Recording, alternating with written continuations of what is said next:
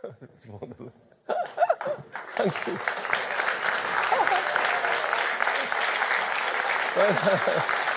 Dankie. Chris van die kerk se stem. Jo, is, is dis die manier om die oggend te begin. En hier sit julle 9:30 op 'n donderdagoggend in Stellenbosch. Yes, like daar's niks wat in hierdie dorp gebeur nie, né? Hier sit julle almal.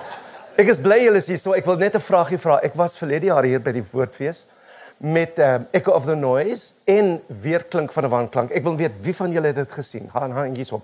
Weet wie julle gesien? O, gits, die meeste van julle het dit nog nie gesien nie. Wel, vandag se ding is 'n ander storie. Dis die volgende stap in hierdie avontuur wat ek begin het 2 jaar gelede. Ehm um, vandag praat ek ek gaan vir julle stukke van die ding doen, natuurlik, want dis die hartklopping van julle oggend. Maar die volgende stap is om die monoloog van weerklink van 'n wanklank in 'n boekvorm uit te gee. Ehm um, ek het nooit gedink ek gaan dit op die verhoog uh, opvoer nie, want dit is iets wat ek nog nooit gedoen het nie. Ek is baie gewoond aan ag soos julle weet, 'n paar hoek skoene en 'n rokkie hier en 'n lipstifie daar en 'n paar vloekwoorde, baie vloekwoorde. Woorde wat julle vergeet het wat julle wat ek vir julle weer leer, né? Ehm um, En dit was my vir die afgelope 40 jaar het ek die karakters gehad op verhoog en dit was alles politiek en dit was alles eie tyds en van die oomblik en soms aanstootlik, hopelik, nie nie die hele tyd nie, dit is te uitputtend, maar elke nou en dan vingertjie in die oog. Ehm um, En toe doen ek 'n ding wat ek nog nooit eers aangedink het nie, om my eie storie te vertel, want wie stel belang in die akteur se storie? Akteurs moet hulle moet actors must act and not sort of wear badges and make speeches at Golden Globe Awards ceremonies en die dinge. Maar ek was by die nasionale kunsfees in Gramstad. Ehm um, en hulle het vir my gesê, "O, jy's ons kunstenaar van die jaar." Ek dink, "Yes, like I mean they're running out of old people now." Ron, you weet so uh doen 'n nuwe toneelstuk en en doen 'n paar een man goed. Jy weet, ja, ek is ek was toe 70. I thought, what the hell? Why not die on stage, you know? doen drie one man shows en ek het drie uitgewerk. Ek doen in die Vita Passate Night show en dis nie ek nie, dis sy en sy's 10 jaar ouer as ek, so sy's sy's 80 destyds, sy's nou 83. Ehm um, so ek het 'n uur eh, nie meer 70 minute van die Vita in hoekskoene, chik chik en dan ook 'n 70 minute show van haar suster Bambi Kellerman. Het julle al vir Bambi ontmoet? Hey, sy's op pad, hoor. Sy kom Stellenbosch toe. That's for sure. That's for sure. Bambi Kellerman.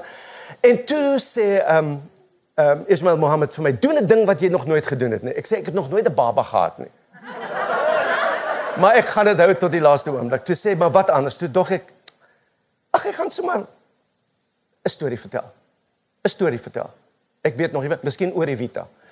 En ek sit toe en ek begin en skielik kom twee karakters in my storie in en dit gebeur. Dis die wonderlike ding van skryf. Die skryfproses is so privaat. Niemand hoef dit ooit te sien nie. En ek dink dis iets wat skrywers vergeet. Skrywers dink, ek gaan nou begin, maar hoe gaan die hoe gaan die cover lyk en hoe gaan die die titel lyk en gaan ons die eerste aan gaan 'n partytjie en gaan ek 'n award kry en gaan ek by die woordfees optree. Dit het niks met enigiets te doen nie. Dit is jou dit is jou verbeeldingskots. Dis vinger in die keel en bla. En 'n bottel wyn help ook. Bla bla. En die hele bloody ding kom uit. En dan volgende oggend met 'n helse hoofpyn kyk jy na wat jy geskryf het en 90% is absoluut aaklig. Maar daar is miskien 10% wat hy en 1% van daai hy is daar's die ding. Daar's die hoekie. Ek hang hom op daai hoekie en dan volgende hoekie daar en dan die volgende hoekie daar. En skielik kom daardie ding daar en jy staan verbaas want jy weet nog nie wat dit is nie. En die karakters begin jou lewe oorneem. Jy dink by jouself o dit is nou lekker wag ek beplan. Want die hele ding is argitektuur nê dit is beplanning. So so so uh uh uh uh, uh, uh so ba ba ba ba en met 'n met 'n een man vertoning het my pa altyd vir my destyds gesê bokkie 90 minute lank dis al want ek moet gaan pee En ek is nou ouer as wat hy was toe hy dit gesê het en ek weet dit is waar. en skielik in hierdie storie het twee karakters ingekom. Natuurlik dit my storie Pieter Eis, Pietertjie Eis, Pietertjie Eis. Ja, fyn. Okay, en ek begin dit met my eie stemmetjie as 'n klein seun sopraantjie. Ek weet nie of een van julle onthou toe ek hier was, o, Jesus, like dit is 1950. Blablabla. Ja, jy was nog nie gebore nie, miskien daai tannie daar, maar niemand anders nie. Ek het gesing met die universiteitskoor hierso in die stadsaal en ek dink dokter Verwoerd en sy vrou het daar gesit. Onthou julle vir hom? Ek het sopraan gesing, dit was Panis Angelicus met die met die met die pragtige pragtige koor, die die universiteitskoor. Ehm um, en ek begin toe ek dog ek begin hierdie monoloog met die want dit was 'n langspeelplaat wat ons gemaak het en ek het gesing op die langspeelplaat. Hier is die stemmetjie. Ek begin daarmee en dan waar gaan ek van daar? Skielik hier kom my pa in die storie in. My pa het die hele storie volgestaan. Ek het nooit gedink ek sou iets oor my pa skryf nie. Ek het nie eens baie van hom gehou nie. Ek dink hy het baie van my gehou nie tot ek geld begin maak het toe hy baie van my. En die ander karakter was nie noodwendig my ma of my suster Tessa nie, maar dit was ons bediende, daai ou B-woord wat mense nou bang is om te gebruik, want dit is nie nodig nie. Maar dit was nodig destyds.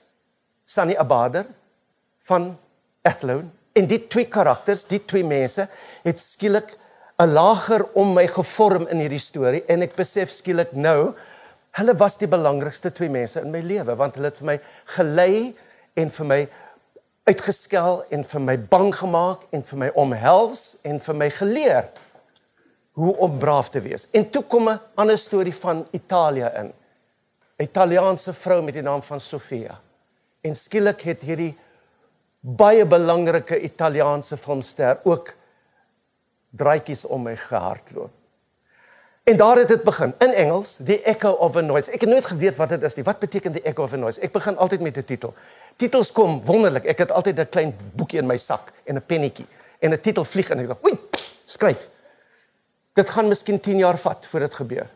Maar die titel is daar. En daar was The Echo of a Noise. Wat beteken dit? Beteken dit ek is die weerklink van 'n wanklank van eergister? Ek het toe nog nie Afrikaanse vertaling gehad nie. Am I the echo of a noise of the past? Pieter Dirk is 72 years old. The echo of the past has been. Ja, absoluut. Absoluut. Ek kom met al die bagasie van eergister. En mense sê, "Ag man, wie stel belang?" Dis die punt. Te min mense stel belang. Want as ons nie weet waar ons vandaan kom nie, gaan ons dieselfde foute weer maak en ons sien dit op 'n daaglikse basis. En en toe toe en toe kom ek skielik met hierdie met hierdie titel. Okay, the echo of a noise. Oh, miskien is ek maybe I'm the echo of a noise reinventing itself for the future. Ook waar.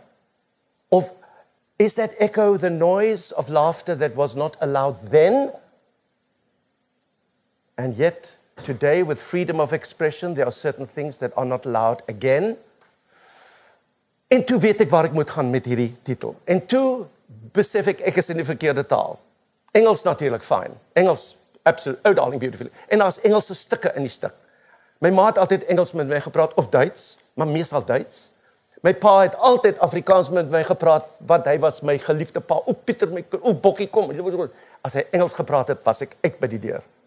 Want dan word ek gedonder. So taal het baie belangrike invloede op my gehad. Maar natuurlik the National Arts Festival en al daai soort goed en mamma het my hotel betaal so I owed them something so I did it in English. Maar die taal was Afrikaans. Afrikaans is so sexy. En Afrikaans is nog hy's 'n teenager. Afrikaans trek nog sy draad agter die die toe deur. Is waar, is waar. En as woorde wat ons kan skep in Afrikaans en daar's 'n woordfees wat ontdekkings kan maak in Afrikaans deur monde wat uit gesigte kom wat nie eers wit is nie en dit is vir my die toekoms van Afrikaans. As iemand in Stellenbosch vir my sê Afrikaans gaan dood, ek sê nie jy gaan dood. Afrikaans sal nooit doodgaan nie. Magtig, 'n voël se Twitter sal Twitter bly tot dit hierso 'n Twitter is. So Afrikaans is hier.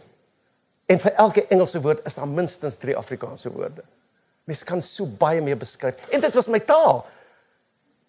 My pa se liefkoeste taal met my. Toe hy met my Engels praat nou ja, pa, ja, pa, ek sê maar pa, ek sê maar pa, ek sê maar. Anyway, so daar het ek nou the echo of a noise wat ek toe gedoen het opgevoer het vir die eerste keer in daai moerse groot teater in Graamsstad die ehm um, ek het vergeet sy naam. Wat is sy naam? Amanda onthou jy? Sy naam. Butler. O hy gaan nou kwaad wees dat ek sy naam vergeet het die die die die die die Butler teater teater duisend mense daar sit 1000 mense in die saal en ek sit op die baarstoeltjie agter die toegordyn want ek Ek het besluit ek gaan gordyn gebruik. Ek het nog nooit in my lewe gordyn gebruik nie. En 'n high stool, ek het nog nooit 'n high stool gebruik nie. So dis twee dinge wat ek nog nie gebruik het nie. En ek sit daar in die gordyne toe en ek hoor die mense daar buite en die musiek wat julle nou gehoor het, die klavier, dis my suster Tessa. So dit is my eerste amper amper my eerste foofie slide in die ding in om met Tessie se musiek te begin. En ek wil my, ek wil doodgaan van bangheid. Ek is nooit bang nie. Vir wat? Dis mos teater. Bang is naar. Op opgewonde is okay. Dis dieselfde gevoel, né? Jy sit in die toilet vir 20 minute. Dit gebeur, dit hoor jy maar. En skielik tog ek, joh, ek het nog nooit hierdie ding gedoen nie. Ek het daaraan gedink. Ek sit in die bad en ek doen my woorde, maar wat se woorde is my lewe? Die struktuur is die belangrikste ding. Ek gaan van dit na dit na dit na dit na dit na dit na dit na dit. O, hel, hier kom die gordyn oop. En ons begin. En na 70 minute van daai opvoering, toe ek klaar is, toe staan daai duisend mense op en skree asof ek rugby gewen het vir die land. Toe dog ek, wat die hel het ek hier gedoen? Dit kan ek nie hier los nie. Ek sou dit daar gelos het want dit was net vir een aand. En toe werk ek daaraan en die grootste probleem nog steeds is wat bly in en wat bly uit. Omdat as ek dit alles insit, gaan ons hier sit tot 4:00 vanmiddag en dan is dit eers die eerste bedryf. Want 'n lewe het baie stories. En so moet ek net vind wat werk, wat werk binne binne die raamwerk van die storie en die lekkerheid daarvan en die tragedie daarin. En na daai oomblik van tragedie, hoe bring jy gehoor uit daai tragedie? En jy doen dit alles sonder om te beweeg. Wat het geleer op die drama skool was, darling, please move there. Yes, Miss Van Gogh. Oh, then we just move downstage. You move downstage and then you say a line, then move over there and then you move over there. Beweeg nou, beweeg, beweeg altyd beweeg, altyd beweeg. In die teater, natuurlik in 'n toneelstuk, daar's vier mense, dis soos traffic cop speel, né?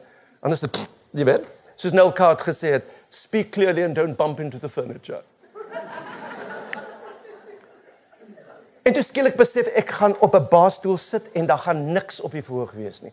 Daar gaan nie props wees nie, daar gaan nie kostuums wees nie, daar gaan nie Evita wees nie. Daar gaan net die storie wees. En jy gaan luister vir 90 minute na 'n storie sonder beweging, sonder iets wat flikker, sonder 'n prent, sonder 'n wat is dit AV wat hulle dit noem, né? Audio visual. Nice word, audio visual. Sonder sonder 'n plug in 'n muur. Al wat ek het is hierdie klein stemmetjie ding want vandag rekord hulle dit vir die woordfees en dan uh, gewoonlik wil mense hoor en hoe ouer die mense word hoe moeiliker is dit. Wat het hy gesê? Wat het hy gesê? So nou kan jy hoor. En ek het gesit op daai verhoog en ek het gedoen sedert dit nou vir die afgelope 18 maande en ek moet vir julle sê dit is die mees universele ding wat ek al ooit in my lewe gedoen het. Ek het altyd gedink die politiek is die ding dat almal stel belang nie. Nee, nee, nee, nee. Ons stel belang in die politiek soos ons belangstel op 'n boot om te sê waar is die reddingsgorde? Ons wil weet hoe om weg te kom as die bloody ding sink.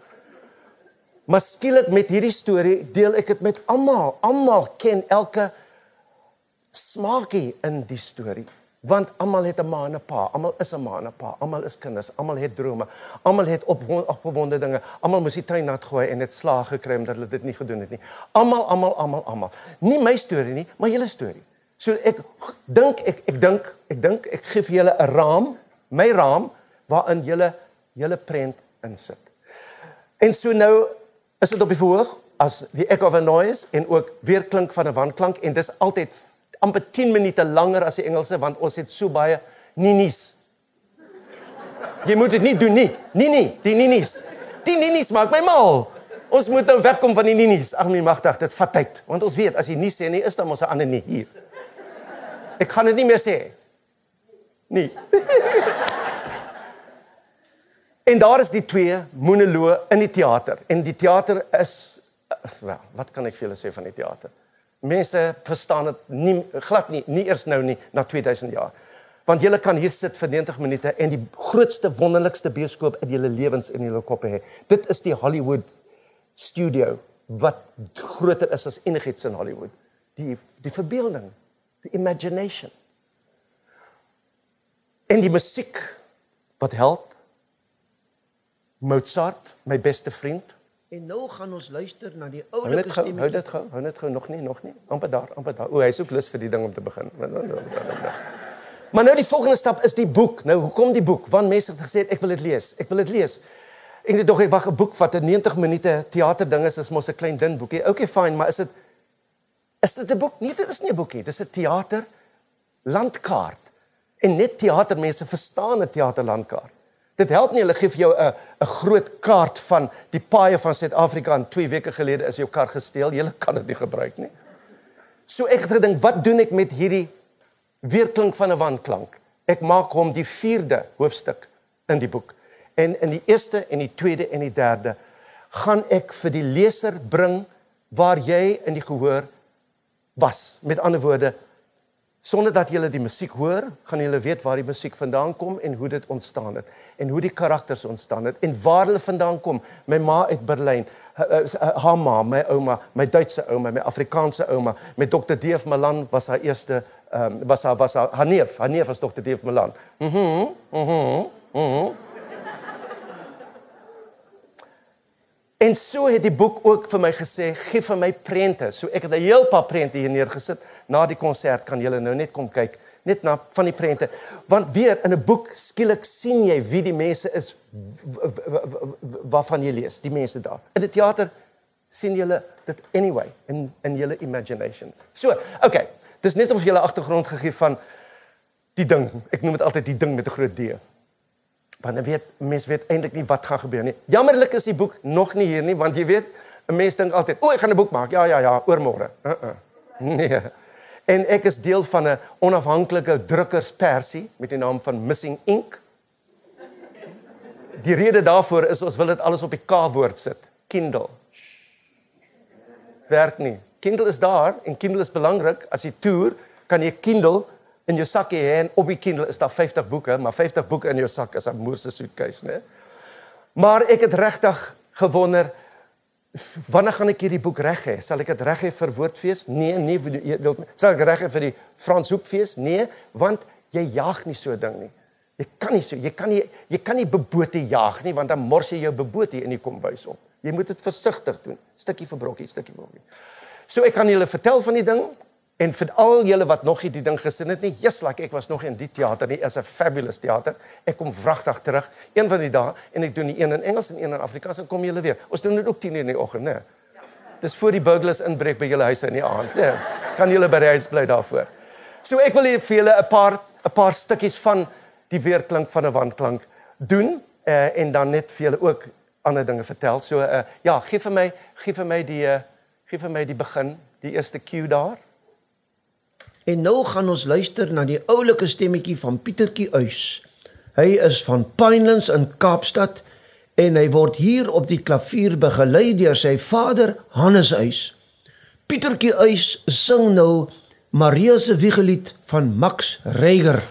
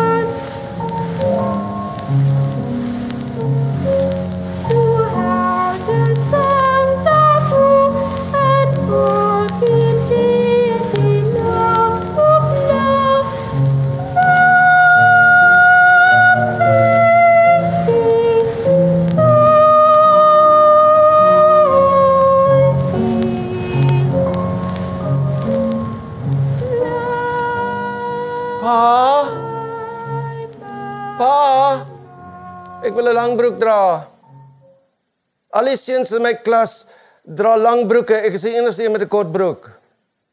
Pa, ek is amper 14. Ek weet hoekom pa nie wil hê ek 'n lang broek moet dra nie want dan sal my stem breek. En dan sal ek nie kan sing op die radio of by daai troues elke Saterdagmiddag waarvoor ek 'n guinea gekry het is 1 pond 1 shilling. Pa hou die pond en ek kry die shilling. Ek haat daai kort grys broek met die grys sokkies en die swart skoene en die tas en die hemp en o my haar is altyd die kortste in die klas. Kort kort kort hier aan die kante. Kort kort, maar nie voor nie. Voor. Die woeste kuif. Permanent gesementeer danksy La Pebra Hair Gel. Ooh, die ure wat ek in die kerk en in in die klas gesit het met my oë toe soos in 'n koma, besig om hierdie hierdie hierdie stywe harde hare te vervrommel in 'n nuwe styl. 'n Styl wat ek nie kon dra nie want dit was 'n styl wat gaan met lang broek. As iets verskrikliks gebeur, gryp die boonste laai en hardloop na die bure. Ag pa. Wat 'n verskriklike ding kan hier in Pinelands gebeur. O ja, ons ons grasdak kan miskien begin brand of of daar kan 'n aardbewing wees of 'n of 'n of 'n groot brander uit die see of die marsmannetjies kan in die agtertuin land. Ag pa. Pa se lesenaar was onder in die sitkamer langs die muur onder die onder die uh, uh, die, die die skildery van Maggie Loubser wat sy destyds vir hom gegee het toe hulle nog uh, vriende was. Nee, dit was 'n no-go area. Julle los my lesenaar uit. Julle vat nie daaraan nie, hoor. Julle vat nie daaraan nie, maar onthou, As iets verskrikliks gebeur, gryp die boonste laai en hardloop na die bure. Ons lewens lê aan daai in daai boonste laai. Verstaan jy? Ja pa, ja pa. Pa het alles geweet. En as hy dit nie geweet het nie, het hy dit opgemaak. En ons het alles geglo wat hy gesê het want hy was pa. Elke Sondagoggend het ek saam met hom gery van Pinelands na Parow waar hy hy die orrelis was in die in die plaaslike NG Kerk. Nou daar was twee redes daarvoor. Die eerste rede was by die railway crossing, die booms by die Maitland uh, begrafplaas. Daar moes ons stop en wag vir die trein, die stoomtrein, miskien die blou trein. Die lokomotief, sjoe, en dit het skielik daar uit nêrens gekom. Hierdie groot swart lokomotief met al die rook en en al die klein koetse. En daar was die mense uitgekyk by die vensters en hulle het vir my gesien en ek het vir hulle gesien. Hulle het gewaai, ek het gewaai. Almal het gewaai. Almal het gewaai. Almal het vir my gewaai. Wat dit was so lekker. En toe gaan ons kerk toe. En na die kerk op pad na Pinelands het pa gestop by uh, koffie in Vesco en vir my 'n baie spesiale ding gekoop. Ha. So, hoekom het ek elke Sondagoggend kerk toe gegaan uh vir die diens en die Sondagskool in my kortbroek want ek is omgekoop met 'n lokomotief en 'n ram and raisin roomys. Ek wou altyd vir 'n lang tyd 'n stoomtreindrywer word. Maar toe besef ek nee, ek wil 'n NG Kerk dominee word. Want NG Kerk Dominees kry gratis motors, gratis motors, nuwe nuwe motors elke jaar van die van die van die van die mense. En en ek het gesien Dominee Steyn uh, in in in Parow het 'n pragtige ligblou Chevrolet Impala, daai een met die vlerke. Wat hy die vlerke. Ek het so 'n dingetjie toy gehad. O, ek wou die regte een ook gehad het. En ja, ek het ook gehoor dat NG Kerk Dominees gaan reguit hemel toe. Maar in die sonnaskool het hulle vir ons gesê, as ons soet wit Christen Afrikaanse kinders is, sal ons ook reguit hemel toe gaan. En natuurlik die die soet uh, Christelike uh, swart kinders sal reguit na hulle hemel toe gaan. En wat van my kat Bobo? Sal my kat Bobo hemel toe gaan? Nee Pieter, katte gaan nie hemel toe nie. Wat? My kat gaan nie hemel toe nie? Miskien het ek daar besluit dat ek ook nie wil gaan nie. Ek wil gaan na waar die kat gaan. En ook opkrul voor daai helse vuur. Bobo was 'n regte kat. Bobo was mal vir vis en ek was bang vir vis. Pieter eet jou vis. Nee, Pieter eet jou vis. Nee, pa, dis vol grate. Natuurlik, dis 'n vis. Sunny, ja master, Sunny neem hierdie vis en sit dit in die yskas. Geef hom hierdie vis elke maaltyd van nou af, né? Nee? Vir ontbyt, vir lunch, vir sappe kry hy vis. Boek, jy gaan daai vis eet. Verstaan jy? Jy, jy gaan leer. Sunny, het jy verstaan? Ja, master, natuurlik master. Natuurlik. Sunny het gesê, "Ja, master," want master was master en Sunny was die meid. Maar master was nie elke dag in die week daar nie want hy was by die kantoor en toe master nie by die huis was om master te speel nie, was Sunny nie die meid nie. Sunny was die baas. Sy het ons regeer uit haar kombuis met haar eie reëls. Die deur was altyd toe. Jy moes klop aan die deur en vra, "Sunny, kan ek inkom?" En soms het sy gesê, "Nee, wag, ek is besig." Ooh, Sunny, Sunny. Maar sy het gedoen wat sy beloof het aan Master, sy het daai vis in die yskas gebeere om vir my te gee vir elke maaltyd. Maar toe laat sy my Duitse ouma, ouma Bassel in die in die uh, kombuis om vir my iets spesiaal te maak. Spesiaal vir lunch. Wiener Schnitzel. so fokkie vis. Ek dink ek het ooit daai F woord gebruik as 'n as 'n as 'n uitroep uh, toe ek 'n kind was nie. Die enigste keer, die eerste keer toe ek daai woord gebruik het, was toe ek dan vir gevra het. Sunny was nie 'n bediende nie of 'n meid nie. Kot. Sy was my beste vriend. Sy was my Kaapse vlakte ma. Ek ek het nooit ge, geweet hoekom sy skielik by ons weg is nie, maar skielik, dit was soos 'n dood in die familie. Want Sunny was saam met ons vir my hele lewe, was Sunny daar, Sunny Abader, die elegante Malay vrou uit uit uit Athlone op die Kaapse vlakte met haar doek. Altyd met haar doek, altyd besig met alles, altyd in beheer van alles. Sy was soos hulle sê the stage manager of the family, looking after the props and the costumes of the Ace family. En sy was die enigste ene wat eintlik verstaan het my ma se liefde vir daai rou vleis, daai steak tartaar of daai stinkerige gorgonzola kaas. Ooh, toe Tessa en ek daai fridge oopgemaak het en gesnyf het, het ons gesê, "O nee, sis, sis, sis." En Sunny het 'n lang asem ingeneem en gesê, "Ja, ooh, halia." Hierdie gorgonzola kaas het ryk nes kak. ja. Sunny het vir my die regte Afrikaans geleer. Nie die fancy taal wat ons in die kerk gebruik het om God se ore te bereik nie, maar daai heerlike Kaapse vlakte dialek wat die engele aan die lag gehou het. Lag lag. Ek en pa het nooit met mekaar gelag nie. Ons kon net nie klaar kom nie. Ons het het ons vir mekaar lief gehad? Nee, ons het nie eers van mekaar gehou nie. Die probleem was hy was nie net pa nie, sien hy was ook oom Hannes. Ek het nooit vir oom Hannes geken nie, maar oom Hannes was almal se beste vriend. Oom Hannes was the life and soul of the party. Oom Hannes het jazz op die klavier gespeel. Oom Hannes het grappe vertel en die hardste gelag vir sy eie grappe. En al my vriende was so jaloers. O Pieter, jy is so gelukkig jy het oom Hannes as jou pa. ja. Jy ken nie pa soos ek pa ken nie. Daai ysblou oë en altyd daai daai verwoede mond met die Pieter, jy weet Pieter, Pieter, Pieter, Pieter, Pieter, Pieter. Erger natuurlik as hy in Engels gepraat het. Pieter, did you water the garden today? Ja pa. Nee, ek het wel ja, ek het nee, ek het dit nie nat gegooi nie, ek het dit so nat gespuit. Blablabla en toe teruggegaan om my dingie toys te speel. Maar toe kom pa uit die kantoor het en ek krap so aan die sand en dit was baie droog. Pieter, did you practice the piano? Ja pa. Wel nee, ek het nie gedink is nodig om die klavier te beoefen nie. Want almal het gesê ek is so musikaal, ek het 'n perfekte oor, ek kan alles hoor. Enige stuk musiek en dit speel op die klavier in middle C. Middle C. Ek het die wit note verkies. Was bang vir die swartes. Mozart was deel van ons familie. Amadeus was my beste vriend. Ek kon nie glo hy is dood nie. Sy musiek was altyd so lewendig. Die probleem was daar was te veel mense in ons huis. Morning, noon and night. Besig om geraas te maak. Mozart, Schumann, Schubert, Scarlatti, Brahms, Liszt. Want daar was te veel klaviere in Ten Homestead weg Pinelands. In die musiekkamer was Ma se Blichner grand piano wat sy gebring het van Duitsland.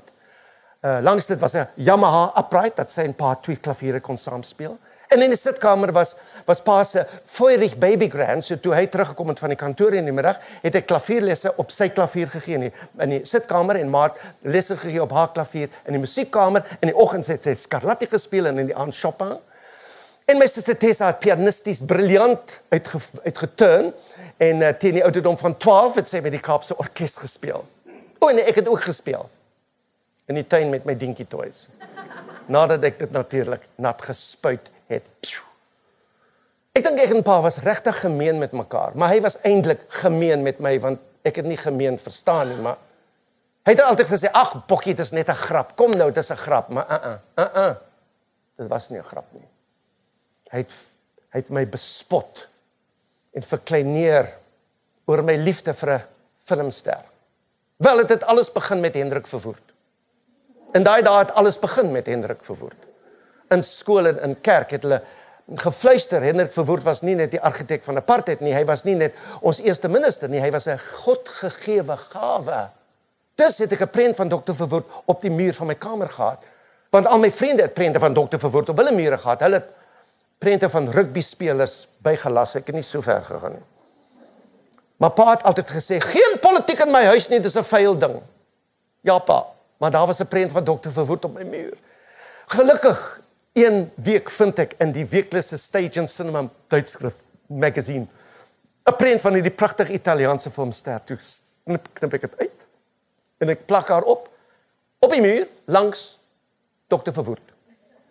En die volgende oggend oggend het oom Hendrik van die muur afgemoer. Push. Ek dink hy het besef soveel Lorenz se bene is beter as sy bene. En hy het permanent van my muur afgebly en sy het permanent op my muur gewoon. Ek dink sy het my lewe gered. Ja, Pieter, jy is verlief op soveel Loren. Ek sê ja, pa, sy is so pragtig. Ag nee, sis Pieter. Sis pa? Ja, Pieter, sis. Kyk, daar is soveel Loren. Die een wat jy op verlief is. Kyk daai dik lippe. Sy's 'n meid. Ek tog hoe hoe kan pa so iets sê? Sy's nie kleerling Susanne nie, sy's 'n Italianer. En elke keer as ek maar net gekyk het na daai pragtige gesig op my muur, terug 'n glimlag vir daai glimlag van haar met daai rooi lippe. Toe besef ek nie o hel, ek het een van liewe Jesus se se gebooie oortree. Ek is verlief op 'n kleerling meid. Een middag as ek in die biblioteek om 'n boek te gaan haal en paat in my kamer gekom met 'n koutjie pen en, en snorre geteken op al die prente op my muur. Toe dink ek, nee, damn it. Ek gaan nou iets doen. Wat kan ek doen? Wat gaan ek doen? Ha. Ek gaan die kat se sandboks leeg skud in daai boonste laai.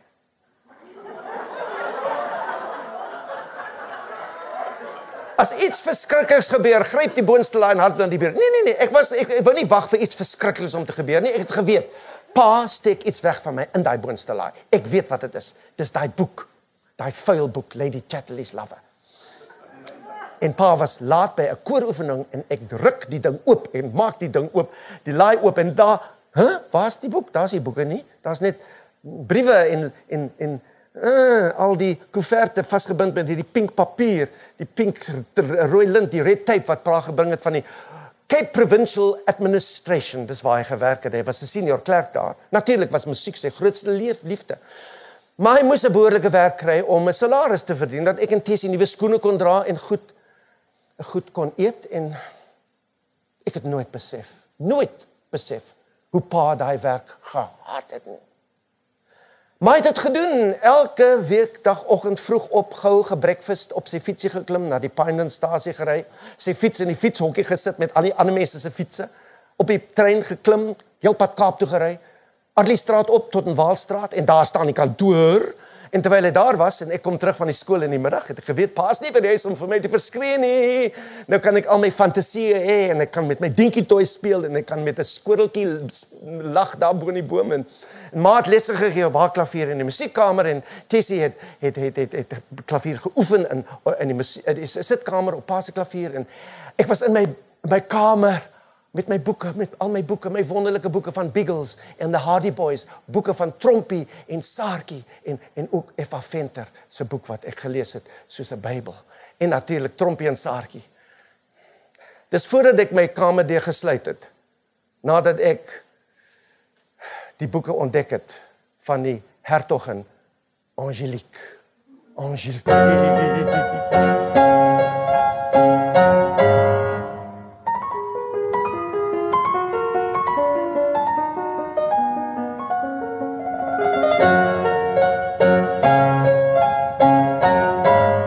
Ek het elke noot van hierdie Mozart konserto geken uit my kop het ek het dit gespeel op die klavier in Middelsee Maar op hierdie donderdag aand was ek in die stadsaal van Kaapstad. En daar was hulle op die verhoog. Mapa en Tessie, elkeen by hulle eie grand piano besig om die Mozart triple concerto te speel met die Kaapse orkes met David Titbold. En almal was so opgewonde want dit was so spesiaal. Dit was vol natuurlik die stadsaal soos op 'n donderdag en soos op 'n sonderdag aand. Al die mense wat kom luister na musiek vanaand was dit die Mozart gespeel deur die familie van Pine. O wag, hier het pa altyd 'n fout gemaak. Olivier is help vir pa. Help vir pa. Olivier is nou. Nie.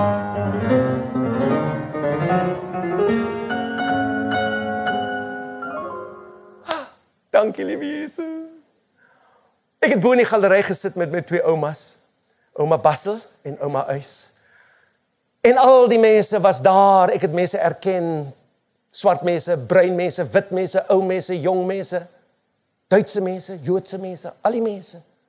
Niemand het gedink dat in 'n paar maande se tyd die regering van die dag 'n wet sou proklameer wat hierdie stadsaal 'n plek sou maak net vir wit mense en as jy musiek wil luister, moes jy wit gewees het en as jy nie wit was nie, moes jy deur 'n aparte ingang kom en 'n aparte toilet gebruik en reg onder die galery in die laaste twee rye sit waar die klank vieslik was. Maar niemand het gedink so 'n ding kan gebeur nie.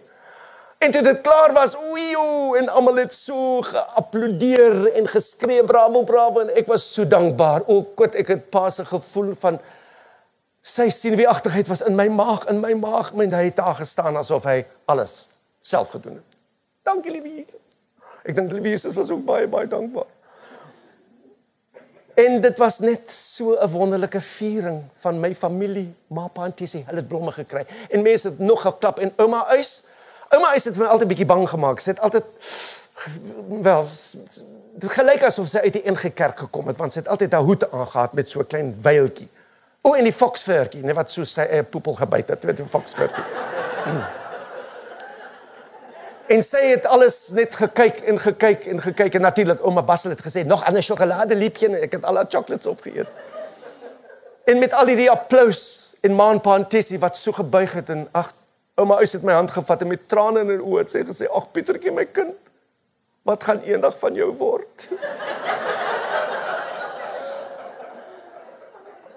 Ouma Uys was natuurlik 'n groot aktrise in die NG Kerk en natuurlik ook in die Nasionale Party danksy haar neef Dr. Deef Malan. Sy het haar eie moral high ground bekleë en en en haar eie filosofie van die lewe vir my eintlik uh, uitgelê. Ek dink ek was 6 jaar oud. Dit was nogal op 'n Sondag na middagete in Pinelands, sê ouma huis. Pietertjie, kom sit by ouma. Kom laat ouma vir jou iets vertel wat jy altyd moet onthou vir die res van jou lewe. Die Engelse is jou aardsvyande. Die Katolieke is die anti-kris. En die Jode is almal diewe. Sy het niks gesê van die swartes nie. Toe ek groot geword het, was die swartes nooit die probleem nie. Die probleme was die Engelse, die Katolieke en die Jode. Ah, Ek en Tess het geweet van sienwieagtigheid want ons het natuurlik by die kunswedstryde deel gehad elke jaar. Die Engelse en die Afrikaanse Astetfit. Baie taktvol geskei deur 6 maande. En pa was so goed pa het gesê, julle moet wen, julle moet wen, julle bring al die medaljes terug en julle moet wen. Daar sit al die medaljes in die boonste lyn met al die waardevolle goed, né? Nee, wen. Verstaan jy? Ja pa, ja pa. Ma het vir ons toe gery en sy het altyd gesê, "O, ek kan nie wag nie." Wel nee, ma het nie Afrikaans gepraat nie. Sy ma het daar Engels gepraat. Oh, I'm so excited. I can't wait to hear it. Now listen. Enjoy what you do. Pity, you go to sing. Tissy, you go to play. And really, truly, have a wonderful time. And if you win, you get an ice cream. Uh, and if you don't win, you get two ice creams. Hals und Beinbruch. Ja, natuurlik, die ijscream was altyd die beste in Pinelands wat Sunny gemaak het. Sy het die beste ijscream gemaak. Op 'n Dinsdag aand het mense kom eet. Dit was nou 'n tradisie in Ten Homestead weg Pinelands. Ma en pa se vriende. In die klein eetkamer, dit was so eet so so alcove dingetjie en daar kon vier mense langs die tafel daar op bankies en alles en so en dit sê ek kon ook deel wees want ma het gesê you are part of the family of course you must be part of the the the the, the, the supper and of course they're your friends as well. Maar pa het altyd gesê ja ja ja, maar as julle iets sê om te sê, is, word seker dat ons belangstel in wat julle gaan sê. En moenie vergeet om huiswerk te gaan doen nie. Nee pa nie pa.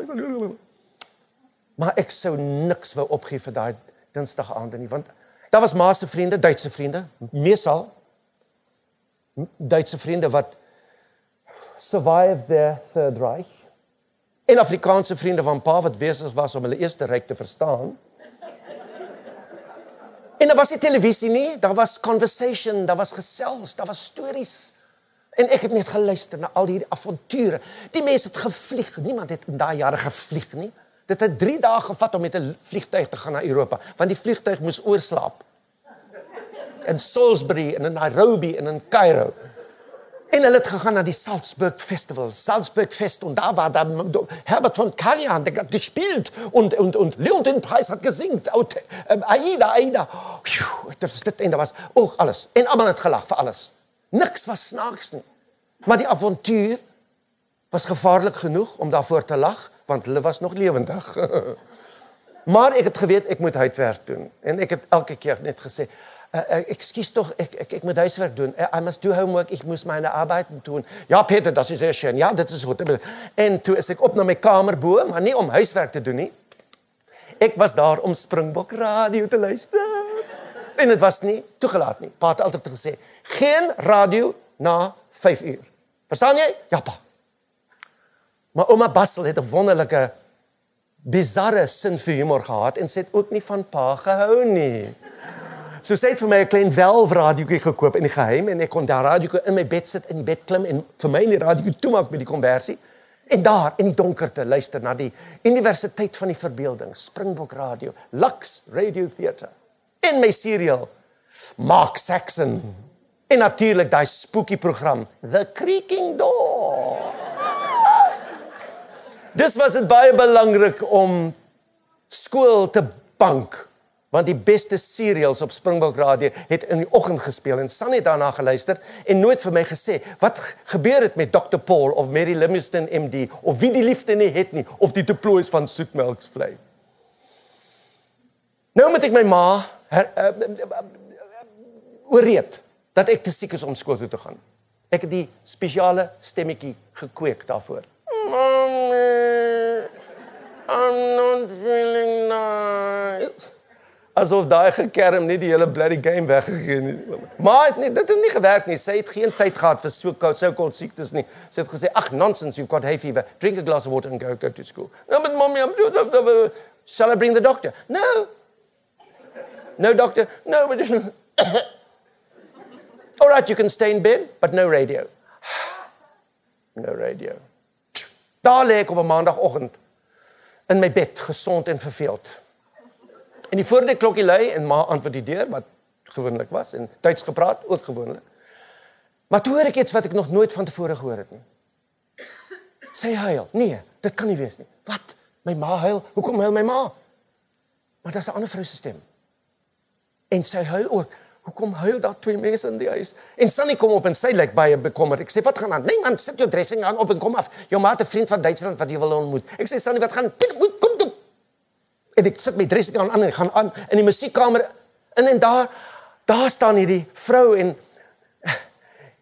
dit dit was 'n wonderlike minuut want ek het nie besef nie, maar sy was saam met my op skool in Duitsland al daai jare gelede. Natuurlik, die oorlog het van mekaar geskei, maar hierdie vrou het die heel pad Kaapstad toe gekom om haar beste vriend te vind, Helga Bassel. En hier was sy in ons musiekkamer. En Maan San het kom bys toe te gaan om die koffie, die koffie, kafee, kafee, die koffie te gaan haal en natuurlik die marmerkoegen en 'n koeldrank vir my. En ek was 'n klein beleefde klein Duitse kindertjie. Ek het maar daar gestaan en gesê, "Guten Tag, gnädige Frau, wie geht es Ihnen?" En sy antwoord terug in 'n baie vinnige Duits. Ek het niks verstaan. Maar toe sien ek die nommers. Ek sê, "Is that a telephone number?" She said, "Peter, do you think this is a telephone number?" I said, "Is it?" She said, "Why don't you phone and see who answers?" En sy lag. My eerste ondervinding van daardie hel met humor. Maar het nooit van daai Duitsland gepraat nie. Die Berlyn wat sy met ons gedeel het, was daai paradys waarin sy groot geword het in die 1920e jare, 30e jare, Weimar Republiek met al die musiek en die kultuur en die gelag en die die koffiehuise was vol mense en die strate met pragtige bome in Berlyn, Berlin, Berlin. En het gewoon in 'n pragtige apartment. 'n Wohnung, 16 Neue Kantstraße, Charlottenburg, Berlin. En natuurlik agter hulle woning was hier die binnelandse see, Lietzensee, en hulle daar geswem in die somer en in die in die winter geski op sneeu. Ons het nie geweet wat sneeu was nie, maar maat vir ons verduidelik hoe dit geproot. So my my Berlin was histories van Max und Moritz en Strubel Peter en natuurlik die die liedere van Richard Tauber über Deutschland, Deutschland über alles en tot Marlene Dietrich wat haar lied gesing het. Ich hab noch einen Koffer in Berlin. So dit was my Berlyn. Maar ouma Bassel wat altyd 'n lang speld gehad het wat 'n mens nie kon sien nie aan die einde van daai vinger sodat sy elke ballon van verbeelding kon laat ontplof. Sy het vir my 'n stukkie papiergeld gewys wat hulle uit Berlyn gebring het. En al wat dit gesê het was 50 miljoen Deutschmark. 50 miljoen Duitse mark. Ouma, wat meen dit? What does this mean? She says it means we had a big basket full of all those millions and millions of Deutsche Mark, and then we went to the bakery to buy bread. We bought a loaf of bread with all that money, and then we went home with the bread in the purse. Besef ek maar het iets nodig gehad om vir haar te herinner van die mooi dinge wat sy vir ons van vertel het en toe vind ek die perfekte verjaardagpresent by ID Booksellers in Parlementstraat, 'n groot boek, Onze Berlin in Bilder. Our Berlin in Pictures. O, gits, ons Berlyn in prente. Dis die boek vir my. Ek moes dit afbetaal elke elke week met my sakgeld, né, nee, want ek het sakgeld gekry deur te sing en natuurlik die tuin na te gooi. Maar uiteindelik het ek die boek gekoop en dit was reg en pragtige papier en ook 'n lint wat ek verniet gekry het van vrou Denle. Want ma was so mal oor iets wat toegedraai is met 'n lint. Dit kon 'n baksteen gewees het. Soms was dit. Maar net die hele ding om dit oop te maak was vir haar altyd so 'n heerlike ding. En pa natuurlik hardop gesê, "Helga, don't tear, don't tear that paper when you open it. We might use it again at Christmas time." En daar was my boek. En sy sien ons Berlin in beelde en sy het die wonderlike glimlag gehad en daar maak sy die boek oop op 'n dubbelblad prent van Berlyn in 1945. Gebom weg gebrand. En sy het omgedraai en die en en en en die die onderwerp verander en almal het gelag oor iets anders en niemand het vir 2 maande iets gesê oor daai boek nie. Dit het daar gelê oop oop op daai bladsy op daai prent met die lint en met alles in wat het ek verkeerd gedoen? Ek het geweet van daai Berlyn natuurlik, die Berlyn van Hitler en Himmler, die Berlyn van Goebbels en Goering. Ek het daai Berlyn elke Saterdagoggend gesien in die Savoy Cinema. Nadat ek my Superman comics natuurlik geruil het in die foyer. Die oorlogprente van Hollywood. Ons het niks gemis nie. Dat dit was die beste van al die rolprente. D-Day, the Battle of the Bulge in die Noord-Afrika woestyn met Rommel en met met met Monty en Monty het alles gewen met sy oë toe. En natuurlik, die Amerikaners het gekom en almal gered en daar was Burt Lancaster in uniform en daar was Marlon Brando as 'n as 'n kolonel en natuurlik ja, daar was ook Engelse. En natuurlik in Europa was daar vieslike nasies, daai nasies. Daai vieslike nasies. En die enigste persone wat elke keer dood is was daai bang maar mense agter die draadheining. Daai bang maar mense agter die draadheinings in kampe. Die bang maar mense agter heininge met geel sterre op hulle klere.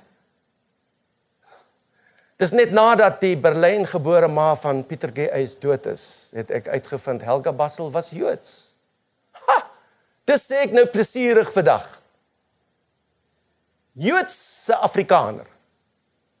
Afrikaner Jew belongs to both chosen people. Ek het twee briewe gehou by my altyd. Die eerste brief is getik in Berlyn in 1935 op offisiële briefhoof met die swastika in die middel en al die paraphernalia van die Reichsmusikkammer daarom en dis geadresseer aan vrou Helga Bassel 16 Neukantstraße Charlottenburg Berlin. Waar hulle vir haar in diep offisiële Duits sê dat sy nooit weer haar klavier erns in Duitsland mag speel nie want sy is 'n Jood. Ek hou daai brief baie na by my as ek skryf net om vir my te herinner hoe maklik verskriklike woorde soos dit drome kan vernietig. Maar sy het daai brief geïgnoreer. Ma het gespeel waar sy wil. Sy het daar gespeel, in Frankfurt gespeel, in München gespeel, tot in Berlyn het sy Mendelssohn die Jood gespeel in 1936. Haar vriende was verskriklik bang, omgekrap en bang. Hulle was nie Joods nie. Haar fiancé was ook nie Jood nie, Dr. Franz Michels. Hy was die professor van geologie by die Universiteit van Berlyn. Ek dink hy het dinge geweet wat agter die skerms gebeur want hy het 2 jaar voor dit ma se ouers na Kaapstad gestuur. Ha, wat kan verder van Nazi Duitsland wees as Kaapstad? En hy het gesê Helga, I can't protect you anymore. Take your Blichner and take the boat and go and visit your parents in Cape Town. And I'll let you know when it's safe to come back. Believe me, this this noise will blow over in a few months die geluide van Adolf Hitler. En toe het Helga Bassel haar Blichner gevat op die op die uh, boot al die pad na Kaapstad en die eerste werk wat sy daar gekry het as 'n professionele pianis was op die verhoog van die stadsaal met die Kaapse Orkees, spelend aan 'n Mozart twee klavierkonserto met 'n Suid-Afrikaanse pianis by name Hannes Eis. Dis moet ek twee mense bedank dat ek hier is. Ek sê dankie vir Amadeus en ek sê dankie vir Adolf. Die tweede die tweede brief is 'n carbon copy van 'n brief wat ma geskryf het in 1948 en toe gepos het na haar beste vriend in Duitsland, Frans Michels. Hulle het mekaar natuurlik totaal verloor danksy daai daai oorlog, maar nou deur kommunikasie mekaar gevind met en in hierdie brief verduidelik sy waar sy is, nie meer as Helga Bassel nie, maar nou is mevrou Hannes Eis. I'm sitting in Duval Park in Cape Town. It's a beautiful sunny day. Table Mountain towers over me like a huge rock. My little my little boy Peter is 3 years old and blonde and playing in the grass with the dachshund Fritz. I'm sitting on a bench with a sign on it that says whites only slechts blankes. How did I get here from a place that said no Jews, Juden raus? Ek het nooit daai vrou leer ken nie. Sy het selfmoord gepleeg voordat ek kon vra. As iets verskrikliks gebeur, gryp die boonste laai en hardloop na die bure. Wel daai notaatjie het maklik gepas in daai boonste laai. Een bladsy geskeur uit 'n klein notaboek, geskryf met potlood 15 woorde. Die Hannes Pieter Tessa, I love you. I don't want to be a burden. Forgive me. Vandag is daar 'n naam daarvoor, bipolar. Vandag is daar goeie medisyne. Vandag praat mense daarvan. Vandag is dit iets van die lewe, maar daai dag 26 Mei 1969 was dit die einde van 'n lewe. Dis en ek het geweet maar neem pille, maar het dit haar vitamiene genoem. Ons het nie besef hierdie pille help haar deur die depressies jaar in en jaar uit nie. Maar die dokter het gesê hy het beter pille gevind, sterker pille wat haar baie baie gou sal help. En toe het maar gegaan om die pille op te tel, maar hy was nie daar nie. Die dokter was besig om golf te speel. En sy jong assistent het vergeet om vir mevrou Uys te verduidelik dat hierdie nuwe sterk pille haar reg af sou forceer voordat hulle vir haar reg op sou help. En maar as hy toe met die pille ins het gelees, dit sê take three pills en sê toe die drie pille gesluk en sê het reggemaak om die uh, die kar te bestuur na Seepunt na die SABC studios, die SAIK ateliers waar sy vir die radio ehm, 'n um, klavieruitvoering sou opneem van Mozart, Bach, Schumann, Schubert en Scarlatti. Maar voordat sy weg is by Ten Homestead weg, wou sy eers haar vingers warm maak op die klavier en iets speel en sy sit by haar klavier, sy sit haar vingers op die klawers. En hulle wil nie werk nie. Hulle wil nie werk nie. Niks gebeur nie. Haar nagmerrie het waar geword. Sy het nie vir 'n oomblik gedink dit was die pille nie. En sy het toe nie na Seepunt gery nie, sy het toe na Houtbaai gery met die kar en uh, nie gestop nie, sy het verder opgery tot bo, heel bo van Chapman's Peak is die uitsig mos die beste, heel bo en daar gestop. En uitgeklim en haar jas afgehaal en opgevou en op die agtersitplek gesit en haar handsak uitgehaal en haar noteboekie gevind en 'n bladsy uitgeskeur en met 'n potlood 15 woorde daarop geskryf het opgevou en op die voorsitplek van die kar gelos. 'n Mens kom nooit oor so 'n ding nie. En soms soms wil jy nie daaroor kom nie want jy is bang jy vergeet. Jy wil nie vergeet van haar lag, van haar glimlag, van haar liefde. Ek sal altyd daai leerraam voor in my onthou hê sonder haar gesig. Maar haar musiek is altyd met my. Elke dag is haar musiek, maar se musiek Mozart, Bach, Beethoven, Schumann, Schubert, Liszt, Scarlatti, elke dag, elke dag. Maar daar was geen musiek by haar begrafnis nie. Wat? Hoekom? Wat wat het daar? Geen musiek by ma se begrafnis nie. In die krematorium van die Maitland se begrafplaas, net 'n paar tree weg waar waar pa en ek elke Sondagoggend gewag het vir die stoomtrein. En daai kerkie was vol van ons vriende. Die vriende wat vir ons liefgehad het, die vriende wat met ons op 'n Dinsdag kom eet het, het vir ons stories vertel het en met ons musiek gemaak het en saam met ons daar gesit het in daai verskriklike stiltes. Ook dinkend, wat het hier gebeur? En een van hulle na een van die organiseerders van die plek gegaan en gevra en gesê, "Excuse me. Excuse me. I'm terribly sorry. Do you have any music? Do you have any any beautiful music? Maybe piano music?"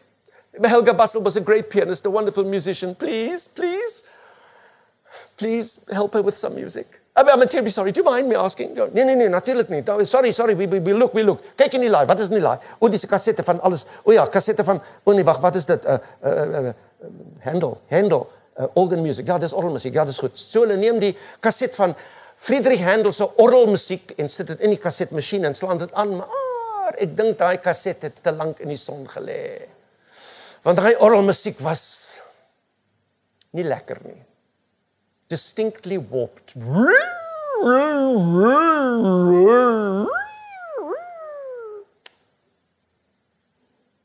As ma langs my gesit het by iemand se begrafnis en dit het gebeur. Sou sy aan die lag gegaan het. Sy het nie net gelag nie, sy het 'n geluid gemaak. Almal het dit herken. En almal sê gesê, "O, Helga is laughing." O, sy lag. Ag my God, daar geht sy weer. Ag, nie waar, nie waar. En almal het gelag. Kerkbanke het geskit vir 'n lang tyd. En ons het daai ding nou so nodig gehad. Op daardie oomblik so nodig gehad, maar ma was nie daar om te help nie. Ek moet eerlik sê daai geluid sal miskien eendag die grootste, vieslikste, aakligste geluid wees wat ek ooit in my lewe moes aanhoor. Daai geluid by my ma se begrafnis. Ek het uitgehardloop, sommer buite gaan staan in die suidooste wind tussen al die ander mense se begrafstene en en toe hoor ek dit. En toe sien ek dit. En daar gaan die stoomtreintjie en daar's al die koetse. En daar's niemand wat waai nie. Die een persoon met wie ek kon praat was weg. Maar ek het ek het 'n adres gehad vir ver weg, ver weg. Een adres. En toe skryf ek 'n brief na daai adres. My mother jumped off Chapman's Peak and is dead. I don't know what to do. En ek pos die brief. En 'n paar dae later kom 'n brief terug. Spoedpos van daai adres. En al wat die brief sê is You must help your father and your sister. You can't cry now. You will cry one day, but not now. Now you must be brave. Be brave. I love you. Sophia. Oh, Peter Dirk Ace, you must be joking. You're still in love with the film star? Come on, man, you're not 12 years old anymore. Ek weet, ek is beslis nie 12 jaar oud nie. Ek is nou 72 en sy is 83, maar eens op 'n slag was ek 16 en sy was 27. Ek is klaar met matriek. Ek is klaar met skool en maak my die wonderlikste present om my vryheid te vier. 'n Retourkaartjie na die noordelike halfrond. Hippity. Go see where I come from. En ek is op die Union Castle boot op en af by die see vir 10, 12, 14 dae na Southampton en toe British Rail alpad na Londen. Oh, en ek sit in die ysigste koue Engelse winter. Ek kon nie so 'n ding voorgestel het nie. Ek sit net en die huisies vlieg verby en elke huis het die snaakse chimney pots en daai what is that? Oh, it's a TV mask. Ja, I saw television for the first time in London. And they took me to a real English theatre, the Old Vic Theatre, where I saw a production of Othello by William Shakespeare. And on stage was their most famous actor, a man called Laurence Olivier.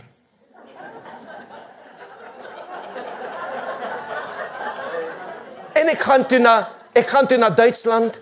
Eh, Ek wou na Berlyn gaan maar hulle het 'n muur daar omgebou. Toe gaan ek na Wiesbaden en daar ontmoet ek ma se beste vriend Frans Michels en sy vrou Tante Friedel. En Tante Friedel maak vir my Wiener Schnitzel. Peter, meine Wiener Schnitzel ist am besten in ganz Deutschland. Oh, vielen Dank Tante Friedel. Ek het nie die guts gehad om haar te sê dat Sunny se Wiener Schnitzel in Pinelands beter was nie. en toe gaan ek na Parys om te kyk na die Mona Lisa en ek was geskok om te sien sy was so klein. Maar toe gaan ek na Italië, na Rome, want sy woon in Rome. En ek het 'n prent uitgeknip uit die Oggi tydskrif van die jong, jong pragtige Sofia Loren wat uit die venster van haar woning in Rome leun en en baie vir die kamera en agter haar is 'n baie ornate lamppost en agter die lamppost is 'n ruïne. En soos ons weet, is Rome vol ornate lampposts in ruïnes. Dus vir die volgende 3 dae loop ek rond Rome met hierdie prent in my hand op soek na die regte lamppost en die regte ruïne. En ek vind hulle albei in die skaduwee van die Victor Emmanuel Monument en ek kyk op en daar is die venster met ander woorde Sofia woon daar. Daar skryf ek toe my brief. Dear Sophia Loren, Mrs. Ponty, I'm in Rome, your beautiful city, and I think it's beautiful. And I've written this letter to leave you here just to tell you that I love you and I've always loved you. And you, uh, your picture's on my wall at home and in all my scrapbooks. And I've loved you forever and I will love you forever because I love you forever. With lots of love. From Peter Ace, UYS pronounced ACE. In geval sê dink UYS is 'n spelfout. En daar was nie sekuriteit in daai dae nie, so ek kon na die eerste verdieping loop en op die deur klop en die deur gaan oop en daar staan 'n vrou en ek sê, uh, "Is Sophia Loren here?" and she said, "No, she's making a film." I said, "I have a letter for her." She said, "I'll give it to her. I'll give it to her. It's okay." I said, "See?" She said, "See?" And I said, "See?" and she said, "Ciao." And I said, "Ciao." And she said, "Ciao." En sy maak die deur toe. En die brief is daar. Ek het dit gedoen. My brief is gelos vir Sophia. En ek spandeer nog 'n paar dae om ma se noordelike halfrond te explore en ek klim weer op die boot en op en af op en af die see tot by 10 Homestead weg Pinelands. En daar's 'n brief vir my. Uit Italië met 'n Italiaanse postil van Rome en agterop in haar eie hand geskryf from Sofia Loren.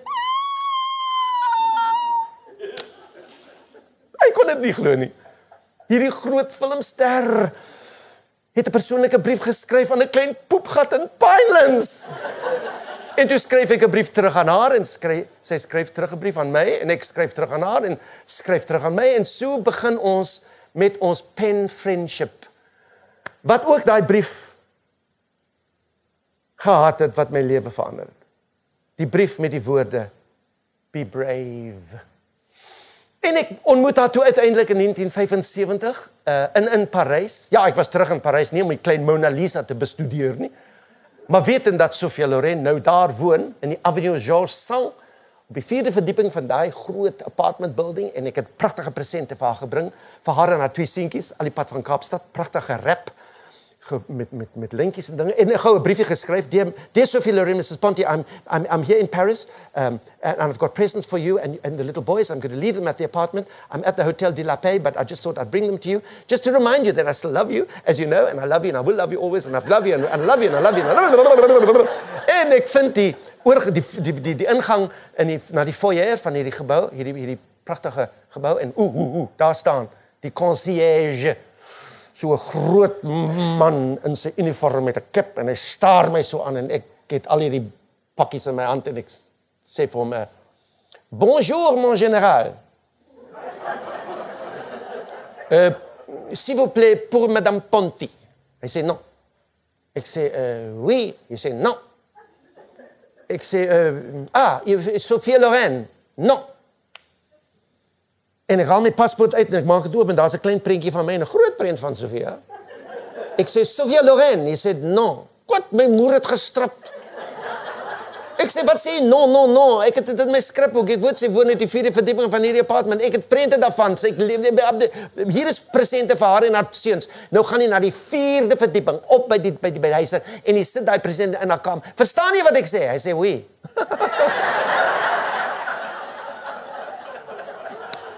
En ek ek los die presente daar en ek gaan terug na die left bank na my hotelletjie Hotel de la Paix wat aaklig was in die oggend toe ek inboek. Want die vrou agter die toonbank was so bloody onbeskof. Sy weier om Engels te praat en ek kon nie Frans praat nie en sy sê. Ha, ek gaan sien dan sê dan maar dan. Liever sê dan and you will not use the bathroom. Mm. En ek kom om die draai en ek sien sy staan voor die deur. Sy staan daar en kyk rond en sy sien vir my. En sy waai vir my en sy sê Monsieur Ras, Monsieur Ras. Sophia Loren she phone for you at my hotel. You can use the bathroom.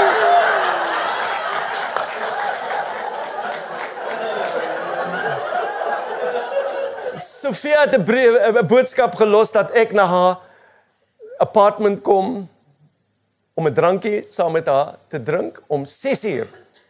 En teen 2 uur is ek al reg. En toe haar sekretaris my in haar woonkamer in in uh lê. Uh, die, die kamer was die bekendste kamer in my lewe want ek het fotos en prente van elke ding in daai kamer gehad in die scrapbooks. Ek het 'n prent gehad van die Francis Bacon painting wat sy daar gehad het en die ding van die Vatikaan daar en natuurlik prente van haar Oscar. En natuurlik die Bambies wat sy alles in Berlyn gekry het. O en die rok wat sy op daai aand gedra het. O, daai swart rok met 'n met die rooi uh, roos, groot rooi roos. Ek het haar gehad in 'n prent met daai rok aan, né? Nee? Langs die op die muur, langs waar my gesig is as ek wakker word in die oggend. Oeps, die eerste prent wat ek sien is Sofia in daai rok. En toe sy inloop met daai rok met die groot rooi roos, met daai glimlag, was dit asof daai prent van my muur afgeseil het want daar was die bekendste glimlag in my lewe wat ook kon praat. Hallo Pieter.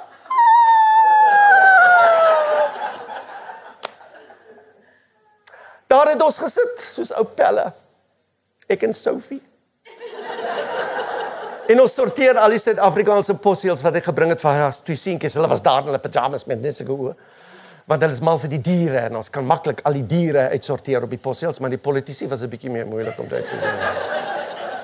En Sofia tel een van die lang posseels op en sy hou dit op vir haar twee seentjies en sy sê Eduardo Chipi, look, this is an elephant's tooth. Ek ek sê no uh, Sofia, that is a uh, that is the Afrikaanse taalmonument. You got it upside down.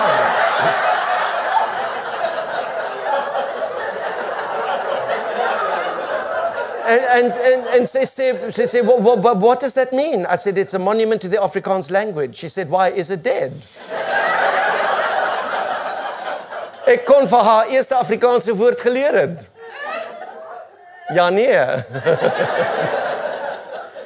As jy groot word soos ek groot geword het in 'n relatiewe klein stad aan die suidelike punt van 'n baie groot kontinent. En jy besef dat jou kulturele DNA vasgevang is in 'n noordelike halfrond, dan soos hulle sê you adore from afar. En ek het Maar my adorasies het my gevind in Kaapstad. Sofia het my gevind op die voor ehm um, blaaie van daai uh, Duitse en Italiaanse tydskrifte. Marlene Dietrich het my gevind op die LP Records en ons het saam gesin. Ek het nog einen koffer in Berlin.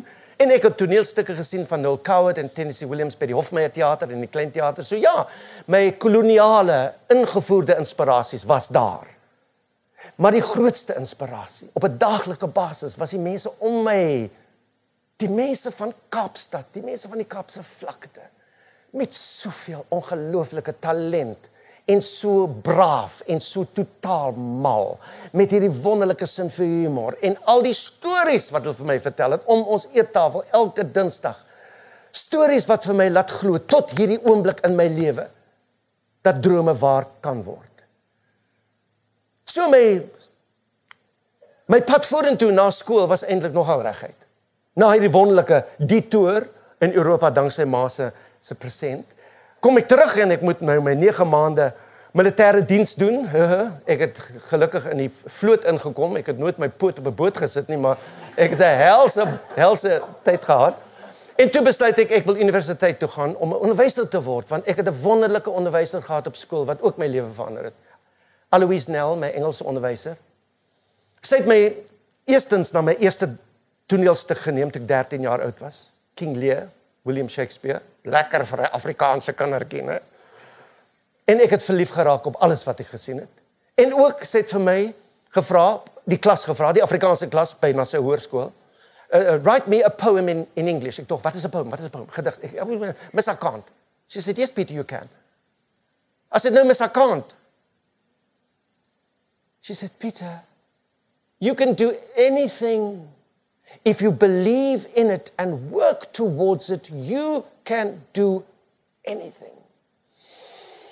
En ek wou ook 'n onderwyser wees wat so iets vir 'n bang kindertjie kon sê.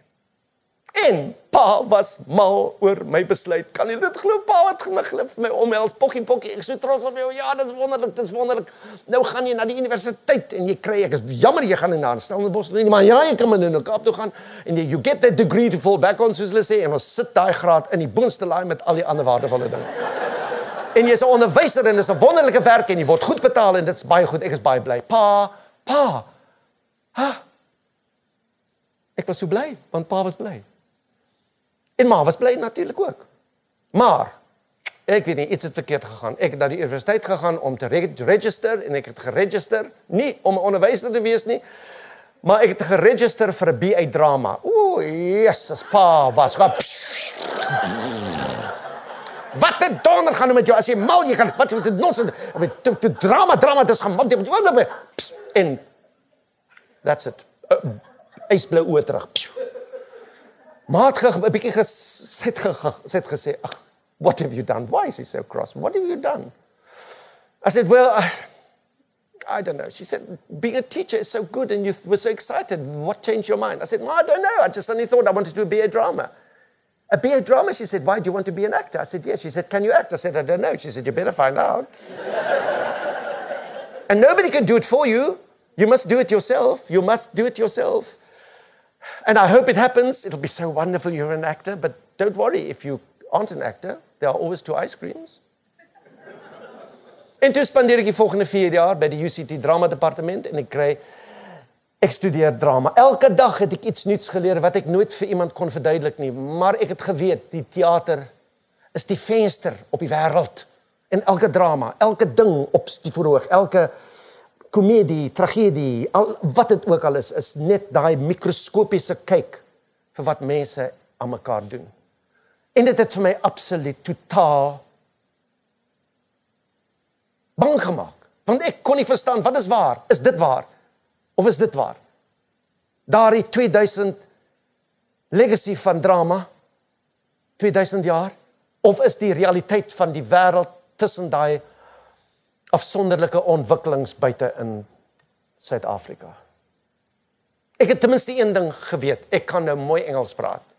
I could speak English very well. In fact, I could say the word darling beautifully. Hello darling. Neil Coward would have been so proud of me indeed. En toe kry ek my by drama en uh, ja, ek het besluit ek wil akteur word. Ek um, ek het 'n paar dinge gedoen in die drama skool, bietjie geact.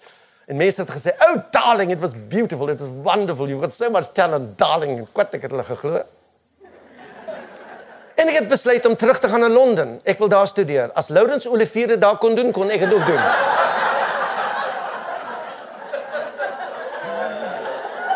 En pa het net besluit, pa het net gesê ek praat nie met jou nie. Ek praat nie met jou nie. Ek praat nie met jou nie. Jy kry nie geld van my nie. Jy's op jou eie boetie. Jy's op jou eie en pa loop weg en ek sê vir my, "What do I do?" En sy sê, I'll, I'll sort that out. Here's some money. Here's some money. Just go. Go to London. Get yourself sorted out and then let me know and I will see if I can help you with it. And that you've got to do it. You must do it. And I'll be so excited to see what you do. I, you know, I just can't wait to see what's going to happen. Hals- en Beinbruch, Liebchen. Ja, Hals- en Beinbruch, Mutti. Ek het dan nooit weer gesien. Anyway, is op die boot, op die boot, alpad na Londen, alpad op die trein na na die res van my lewe. Ja, die res van my lewe want Tessie het alreeds in Londen gewoon. Sy was 'n student by die Academy Royal Academy of Music, so ons kon 'n woonstel deel en ek geweet die, wat ek moet net look, listen, learn, look, listen, learn. Everything, everything. See a play every day, every day. Ek het elke dag in die teater gesit. Ek kon niks bekostig nie, dit was te duur, maar elke dag was daar so 'n toutjie voor die deur halfuur voor die tyd waar jy 'n kaartjie kon koop om te staan, agter te staan, bo te staan. Ek het amper gekots, stammer so. Maar jy kan alles sien vir 'n pond en dit was baie geld, maar dit was nie so baie geld nie. En ek het alles gesien staanend. My hele Shakespeare het gesien staanend. En die oud wiek almal op voor. Uh, they were all there. Sir Lawrence Olivier, uh, uh, John Gielgud, Michael Redgrave, Edith Evans, Maggie Smith, Geraldine McEwen, and they were speaking English, the most beautiful English, and they spoke English, and everything was in English because it was in English. And every time I listened to this wonderful English, I knew, oh fuck, I can't compete.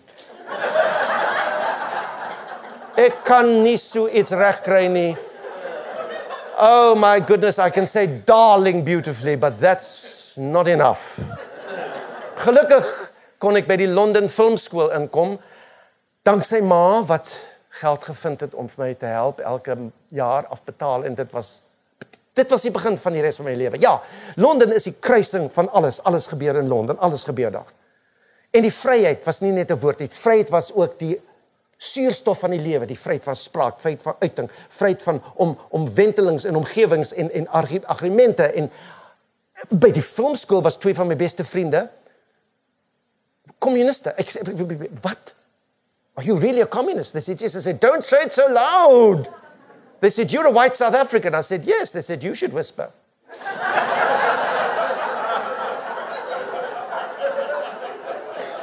en toe moes ek uiteindelik ek moes skielik skielik vir 8 dae terug gaan Kaapstad toe om totsiens te sê vir my ma. Maar ek is terug in Londen en dit is waar ek besluit het om te bly. Al het ek daai BBC dokumentêre films gesien en so familier. O, daar was o, oh, Duiwels Piek en daar's die universiteit. O, oh, en dis ook Kapse vlakte en ek, ek dink dis die Dennebome van Pinelands en ja, dis dis dis waar Sunny woon en wat ja, Langa, dis dit net om die draai van waar ek groot geword het en en daar's seuns my ouderdom, seuns wat lyk soos my broers en hulle is almal in uniform en dit geweer en hulle skiet swart kinders in die agterkant van hulle koppe en ek sê nee, dit is nie so nie, dit lieg die die donderse kommuniste. Hoe is dit moontlik? Dit ek wat ek het groot geword daar. Ek sou iets gehoor het. Ek het niks geweet nie. Dit kon nie agter my rug gebeur het nie. My magtig. Hoe is dit moontlik? En ek het vir my kommunistiese vriende gesê, I'm sorry, you communists have just gone too far because how can that happen? We are Christians, we are decent people. I mean for heaven's sake, I mean I grew up there, nothing like that happened. Nothing like that happened. En hulle het vir my geluister en hulle het vir my gelag en vir my 'n drankie gekoop. En ek het besef dinge het onder in die straat gebeur toe ek met my dinkie toys gespeel het. En ek het besluit ek gaan nie terug nie. Ek gaan nie terug nie. Vir wat? Ek is hier al vir 4 jaar. Ek het 'n union ticket en my I'm I'm Peter ACE. Peter Ace. Hallo Peter Ace. Hallo darling. Ek stuur twee van my beste vriende 'n poskaart uit Kaapstad, 'n poskaart van Tafelberg. Dankie julle donders dit het gehelp. Yvonne Bryceland en Brian Asprey en um en hulle sê net come home. We are starting a non-racial theatre called The Space. We are going to break every apartheid law in the book. We are going to get into the most fantastic come back and join us. en ek wou so graag dit doen en ek wou so graag dit doen, maar ek ek 4 jaar daar, ek is Engels. I'm English. Listen, I'm English. I'm not going to get involved with that. I'm English and I'm going to stay English. Yes, darling, of course you're English. Until you find out that trying to be English is as impossible as trying to be black. En ek het alles opgepak. Na iemand vir my 'n kaset gestuur het van Mimi Koortse wat sing as 'n grap. Hulle het gesê, "O, jy gaan so lag, o Mimi." En Mimi het gesing Boereplaas en ek het vir 3 dae gehuil. En ek het alles opgepak en ek is terug na my boereplaas, 10 Homestead Way Pinelands in Pa. En nou, daar's nog minstens 30 minute van die storie, maar ek gaan dit nou hier stop want julle moet ander konserte gaan bekyk, maar ek wil net julle sê dit is die storie wat julle hier hoor. Julle kan weer die huisligte terugbring. Dis die storie wat julle hier hoor want in 'n boek moet daar baie meer wees. Daar moet baie meer wees van beskrywings en en 'n mens kan dit doen want nou gaan die storie terug in my jare by die Space Theater, by die Ruimte Theater wat miskien van julle mense onthou en die Ruimte Theater wat my lewe weer verander het want daar het ons totaal in die moeilikheid gekom en ek is met die sensorraad de mekaar wat my PR department geword het wonderlik. Hulle het my publisiteit gegee en het vir my geleer lag vir my vrees want hulle het my briewe gestuur nadat hulle vir selfe storie in karnaval verban het vir allerlei redes. Ek dink die redes was basies polities, maar dit was ek het natuurlik vloekwoorde gebruik wat ek nooit verstaan het nie want as nie so ding soos 'n Afrikaanse vloekwoord nie. Dis poesie. Poesie met twee doetjies op die e, né? Maar hulle het 'n hele lys van vloekwoorde langs op die bladsy gehad. Hulle het iemand gelaat wat getik het. Daar was 'n tikster, 'n tikster in die sensor sensor se kantoor wat my vloekwoorde moes tik kak poep poes dro moer do pil ho tit fok En die derde die derde keer toe hulle my verbied toe het sy dis haar naam is mevrou van Staden Fooi tog arme mevrou van Staden Sy het onderaan daai bladsy getikte vloekwoorde met haar eie pen geskryf vir my persoonlik. Meneer Huis, u spel die woord fok met 'n F nie 'n V nie.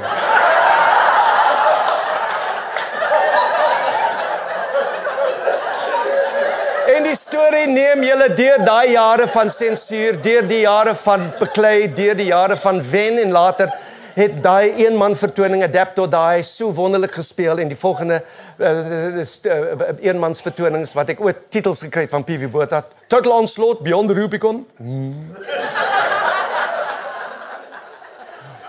En natuurlik Sunny kom terug in ons lewens.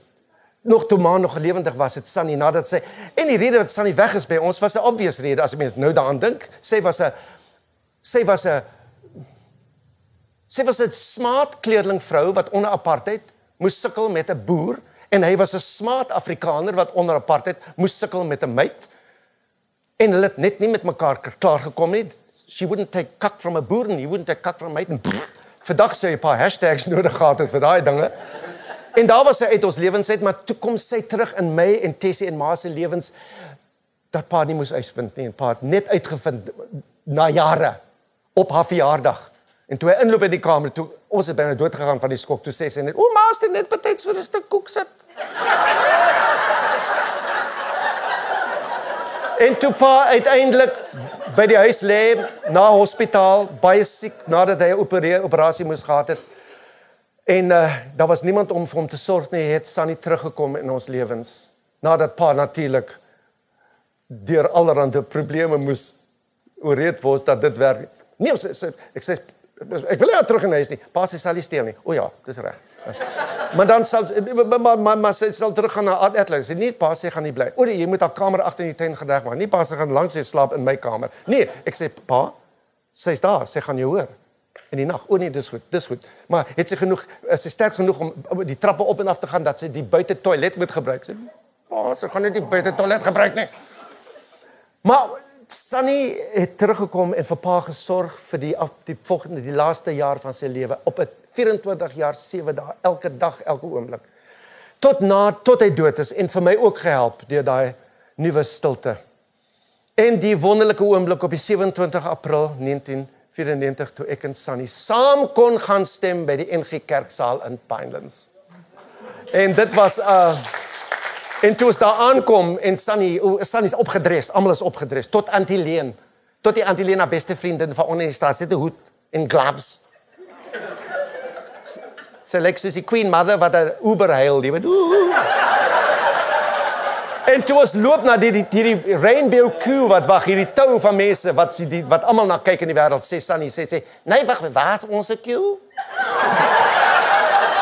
Ek sê nee, Sunny, Sunny, dis dis die nuwe Suid-Afrika. One Q fits all. Sy sê, "Ooh, hulle ja, dit gaan nie werk nie, nou gaan dit." en sy was saam met my in die hospitaal by Pa se laaste oomblikke toe hy skielik weg is. Ek het sy hand gehou. Sy hand het my hand so gedruk, ek tog ek gaan my vingers breek en skielik hy's weg. En ons is terug en Tessie sou eers die volgende dag kom, betyds vir Kersaand. Pa is weg. En ek kon net dink toe ek daar staan in die musiekkamer langs ma se klavier met al die spooke van my lewe, die musiek, die gelag, die gehuil, die gevloek en die geskel, die gewen, Die eerste ding wat ek kon kon dink is hoekom het ek nie vir pa meer gevra oor sy eie lewe nie? Hoekom het ek nie vir pa meer gevra oor ma se lewe nie? Ek het net altyd gevra oor my lewe. Hoe is dit moontlik dat ek meer van Sofie Lorenz se familie weet as my eie familie? En toe gaan ek nadat ek skielik in my kop hoor pa sê as iets verskrikliks gebeur, gryp die boonste laai en hardloop na die bure. Ek gaan maak daai laai oop en daar is 'n koevert vir Pieter my seun as ek dood is. En in daai brief sê hy net as jy hierdie brief lees, is ek nie meer hier nie, nou doen jy die volgende.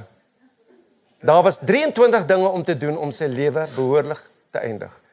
Alles, die assuransie, die die die undertakers, die dit alles wat ons moet doen as iemand doodgaan, het dit alles vir my gedoen. Na 'n uur en 'n half is dit klaar. En ons kon daai lewe vier met liefde, met trane, met stories. Ja, Ek dink dit was dit was net daai finale farewell Christmas present. Bookie Make your list, fill your drawer, sort out your legacy, make sure you flush before you go. In in natuurlik Sunny in 2004 het hy my kom kuier in Darling by my huis. Ek wou eers moet sien wat ek doen en hoe ek dit doen en al, trots wees op my en weet hoeveel sy met my vir my geleer het en en en sy's gebring deur 'n vriend in 'n fabulous Jaguar en En die eerste ding wat sy vra, sy sê, "Waar's jou TV?" Ek sê, "Is in die TV-kamer." Sy sê, "O, ek wil nie my serials mis nie." En sy is in die TV-kamer en sy het daar vir 3 dae gebly. Ek het so baie dinge van gereël om vir haar hier te vat en daar te doen en dat en tot die eetes wat ek van gereël het in die sit in die eetkamer. Nee, sy sê, "Bring 'n tray man, bring 'n tray." Ek en Sunny gesit met die met ons kosse op die tray, weet jy, weer serials geniet soos die ou dae. En na uh, by 'n begrafnis uh het haar familie vir my gevra, "Wil ek iets sê?" Toe sê ek, "Ja, maar ek wil nie inmeng nie." Toe sê hulle, "Hoe kan jy dit sê?" Mami, mami het altyd van jou gepraat as my favorite child. So daar is dit ek het toe nooit 'n stoomtreindrywer geword nie, maar ek het my eie spoorwegstasie in Darling Darling. Ek het nooit 'n NG Kerk dominee geword om 'n nuwe motor te kry en reg uit hemel toe te gaan nie, want jy hoef nie 'n NG Kerk dominee te wees om sulke dinge te kry nie, net 'n lid van die ANC. Ek het nie 'n uh, 'n uh, onderwyser geword nie want die teater het my gekaap. Life imprisonment without parole. Ek het nog paaste lesenaar by die huis. En as ek dit oopmaak, ruik ek die strooidak van Pinelands. Paaste boeke. En natuurlik sy aftershave, daai Old Spice. En elke keer as ek net snyf aan die Old Spice, dan weet ek Hannes Eis is in die huis. Begin gee my net daai laaste uh, is Q Q3 Q3 en dan gaan ons in Q4 en dan dis die einde van die die monoloog.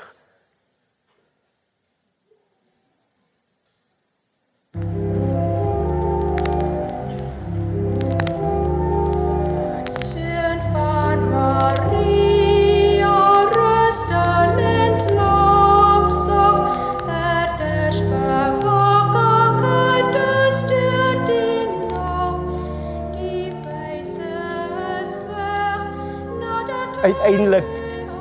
Uiteindelik het ek 'n lang broek. Nou sal my stem moet breek. Ek het die nuutste Angelique boek uit die biblioteek gekry. Ek het nou almal gelees. Twee keer. Angelique, Angelique and the King, Angelique and the Sultan, Angelique in Love en dan Angelique in Revolt. Sofie is op die voorblad van hierdie week se Stage and Cinema. Ah, In 10 dae se tyd is ek 14. Ek weet nie wat gaan gebeur nie. Waar's pa? Pa? Pa? Miskien Miskien as ek net 'n geraas maak.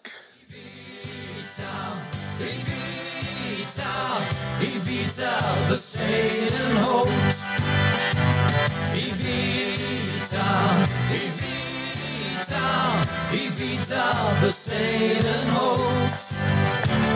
Die vitaal, die vitaal, die vitaal besteden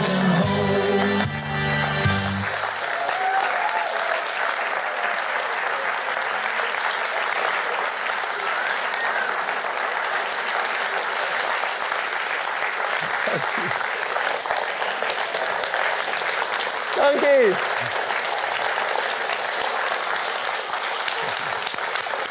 Baie dankie. Ehm um, baie dankie. Bring weer die huisligte aan, bring die huisligte aan. Die huisligte aan. Dankie. Ag, julle staan daar reeds op. Dankie. Ek ek, weet julle is hastig, maar dit lyk so mooi van hier. Weet, ek het van die prente net gebring wat ons in die boeke gaan sit. Die boeke gaan bes, beskikbaar wees en hopelik gaan ek kom na Stellenbosch om spesifiek boeke hierso te launch met die show. Die Engelse een met die show en die Afrikaanse een met die show. So dan kan julle almal saambring. Al die kinders, bring die kinders saam dat die kinders ook vra vra as hulle huis toe gaan. Ehm um, want dis die een ding wat baie mense vir my sê. Hulle sê ek gaan uit hierdie teater om dadelik te gaan na my my ouma en my ma en vir hulle te sê, "Vertel my van jou lewe."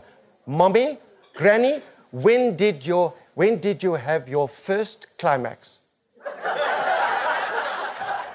Dankie dat julle gekom het. Sterkte. Bye bye.